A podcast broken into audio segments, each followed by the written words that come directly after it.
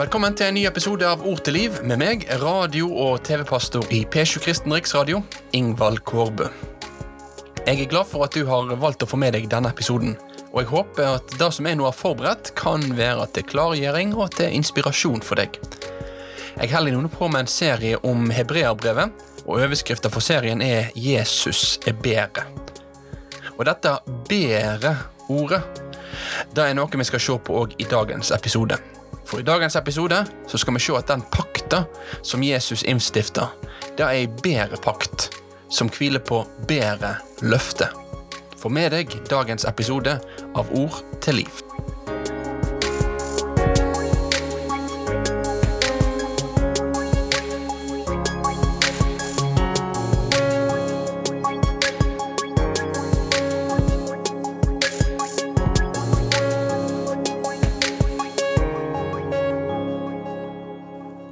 Leser gjennom Bibelen, så vil du se at ganske mange ganger, og i ganske mange ulike situasjoner, så dukker begrepet pakt opp. Og pakt det er et begrep og et tema som det er viktig å forstå hvis vi skal få en saksfarende forståelse av hva Bibelen handler om, og hvordan vi skal få forholde oss til dette budskapet i dag. Helt grunnleggende så er jo ei pakt en forpliktende avtale mellom to parter. Og når vi ser de paktene som Gud inngår med folk i Bibelen, så er dette pakter der det er Gud som bestemmer rammevilkårene, og det er Han som òg bestemmer konsekvensene av paktsbrudd eller paktsoverholdelse. Og gang etter gang gjennom Bibelen så inngår Gud pakter, med enkeltpersoner og med folkeslag. Vi kan tenke på pakter med Noah, med regnbuen som paktstegne, eller kanskje vi kan tenke på pakter som ble inngått med Abraham. Men i tillegg til disse paktene, så er det to pakter i Bibelen som har en helt dominerende posisjon. Det er det som blir kalt for Den gamle pakt og Den nye pakt. Den gamle pakt sikter da til den pakta som ble inngått etter utgangen fra Egypt ved Sinai-fjellet. Og så ble den pakta seinere fornya før Moses sin død i femte Mosebok. Så dette leser vi om mye fra andre til femte Mosebok. Den nye pakt det sikter til den pakta som Jesus innstifta, og som har blitt en realitet med hans komme, med hans død og hans oppstandelse. Bare tenk på innstiftelsen av nattverden, da Jesus understreker at dette begeret er den nye pakt i mitt blod, som blir utrent for dykk. Den gamle pakt det er den virkeligheten som israelsfolk i gammeltestamentlig tid etter Moses levde under. Det var rammevilkårene som gjør inn tilværelsen deres. Men du og jeg, vi lever i ei ny tid, i den nye pakts tid. Den nye pakten erstatter den gamle pakta, og i det neste programmet så skal vi se hvordan dette har konsekvenser for hvordan vi i dag ser på en del av de budene og lovene som var gitt i gammeltestamentlig tid. Men det får vi ta i neste program. For i dagens program så skal vi fokusere på en tekst som beskriver hvordan denne nye pakta er bedre enn den gamle pakta. Og hvorfor det dermed da er et privilegium at du og jeg kan få være en del av Guds folk i dag og leve i denne virkeligheten. Vi skal nå lese sammen ifra Hebreabrevet kapittel 8 vers 6 til 13. Men nå har Kristus fått ei mye høyere prestetjeneste, siden han er mellommann for ei pakt som er så mye bedre å hvile på bedre lovnader. Dersom det ikke hadde vært noe å utsette på den første pakta, hadde ikke det vært bruk for ei anna. Men Gud har noe å utsette på folket når han sier, Sjå, dager skal komme, sier Herren, da jeg gjør ei ny pakt med Israels hus og Judas hus. Ikke som den pakta jeg gjorde med fedrene deres, den dagen jeg tok dem i handa og førte dem ut fra Egypt. For de ble ikke stående i mi pakt, og jeg brydde meg ikke om dem, sier Herren. Men dette er pakta jeg vil gjøre med Israels hus i dager som kjem, sier Herren. Jeg vil legge mine båd i sinnet deres og skrive dem i hjertet deres. Jeg skal være deres Gud, og de skal være mitt folk. Da skal ingen lenger undervise sin landsmann og sin bror og sie, Kjenn Herren, for de skal alle kjenne meg, både små og store. For i nåde vil jeg tilgi all uretten deres, og ikke lenger hukse syndene deres. Når Gud taler om en ny pakt, har han dermed sagt at den første er forelda, og det som blir gammelt og forelda, vil snart være borte. Amen.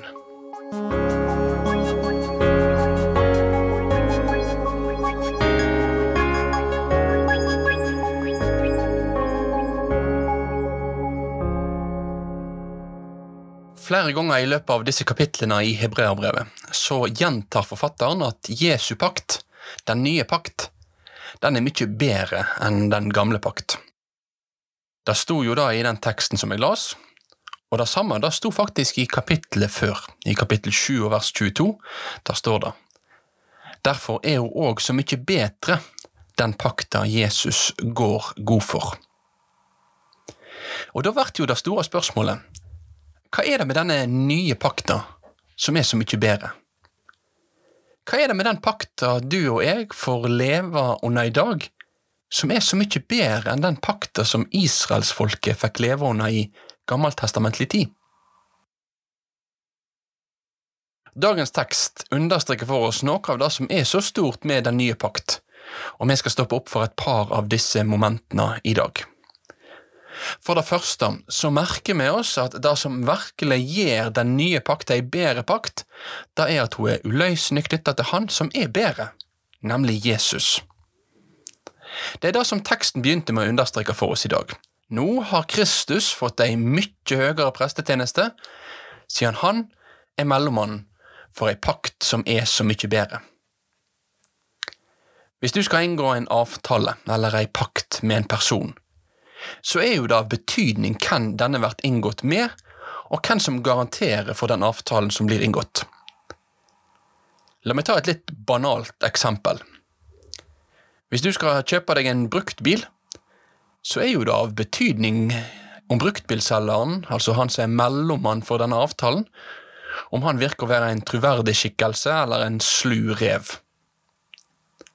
Den nye pakt er noe helt annet enn et bruktbilsalg men mellommannen, garantisten og oppfylleren av denne pakta, det er han som er fullkommen i hele sitt vesen, og som betaler prisen for sitt folk med sitt eget blod.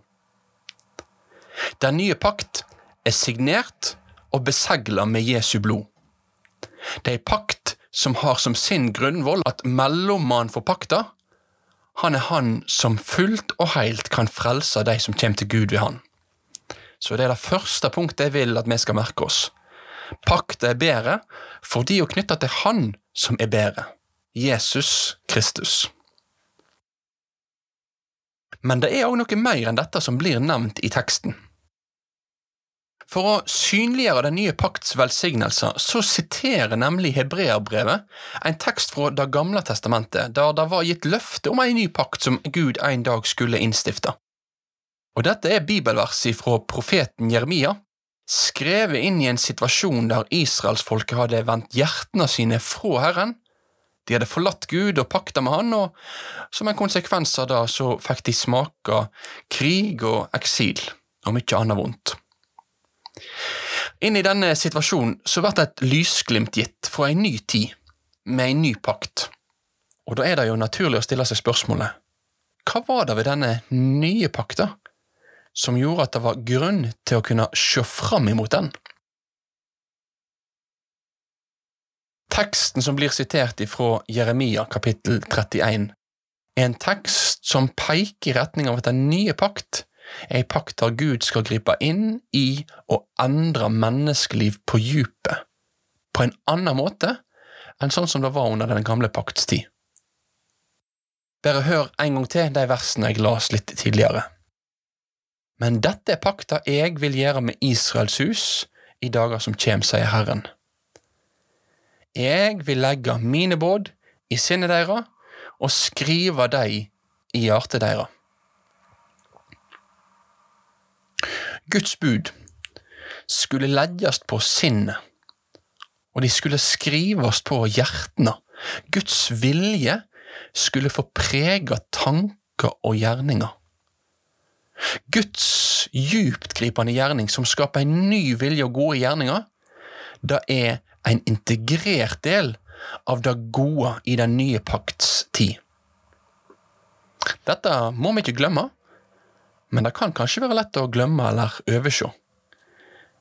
Bevisst eller ubevisst så kan en ha en karikert forståelse av Bibelen, at det i Det gamle testamentet handler om lydighet, og i Det nye testamentet så handler det om nåde. Men når vi leser i Bibelen, så møter vi et mye rikere bilde enn det. Den nye pakts grunntone det er utvilsomt blodet og tilgivelsens grunntone. Det er Jesu pakt, og, og den teksten som jeg las med sitatet fra Jeremia, avslutter med å understreke nådens grunntone, for der sto det I nåde vil jeg tilgi all uretten deres, og ikke lenger huske syndene deres. Så livet i den nye pakt, det er en tilværelse i en tilgitt tilstand. En tilstand der en er satt i nåde til, der syndene ikke blir huska, der alt er utstråket. Og samtidig er det et liv i en tilstand der det tilgitte folket, som er satt i nåde til, de blir òg forma av Gud ved Hans ånd. Tru og gjenfødelse henger uløselig sammen. Der Gud ved sin ånd skaper trua på Jesus, der skaper han òg et nytt liv med en ny vilje.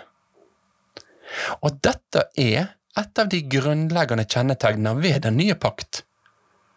Der et menneske er blitt en del av det nye paktsfolket, ja, der er òg et nytt indre liv skapt. Og så er det jo sånn at vi lever nå her, inntil videre, i en fortsatt kamp mot vår gamle egoistiske natur som ikke gir slipp før vi kommer til grava. Men det livet som har tatt til i det nye paktsfolket, det er et liv som skal bli værende, forbi vår egoisme, forbi vår død, og inn i Guds evighet. Og det er jo da vi kommer til veis ende, i hva som er bedre med den nye pakt. Og det er at den kommer med et bedre framtidshåp. Et evig framtidshåp. Framtidshåpet om en tilværelse der hele Guds folk, som har blitt tilgitt av Gud, skal være samla hos Gud på Hans nye jord, og der alle av fullkommen indre lyst skal leve i lydighet mot Han som er den gode, den fullkomne Gud. Da skal ingen lenger undervise sin landsmann og sin bror og seie, Kjenn Herren, for deg skal alle kjenne meg, både små og store.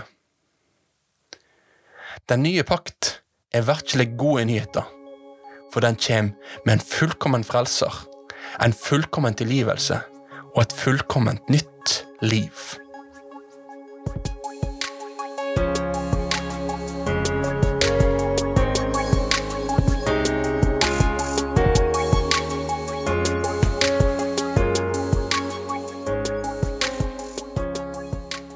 Men da vil jeg si tusen takk for at du valgte å få med deg denne episoden av Ord til liv. Jeg vil i dag prøve å løfte fram for deg noe av det Bibelen presenterer som det store og det gode med den tilværelsen som Guds folk får leve i i dag, og skal få leve i i all evighet. Det er ikke småtteri å være en del av Guds paktsfolk. Nei, det er det største gode for et menneske om en kan få være en del av dette folket. Ord til liv er produsert av P7 Kristen Riksradio. Få gjerne med deg andre av våre programproduksjoner ved å laste ned P7-appen eller besøke p7.no. Inntil neste gang vil jeg ønske Guds velsignelse over deg og ditt liv. Mitt navn er Ingvald Kårbø, og jeg arbeider som radio- og TV-pastor her i P7.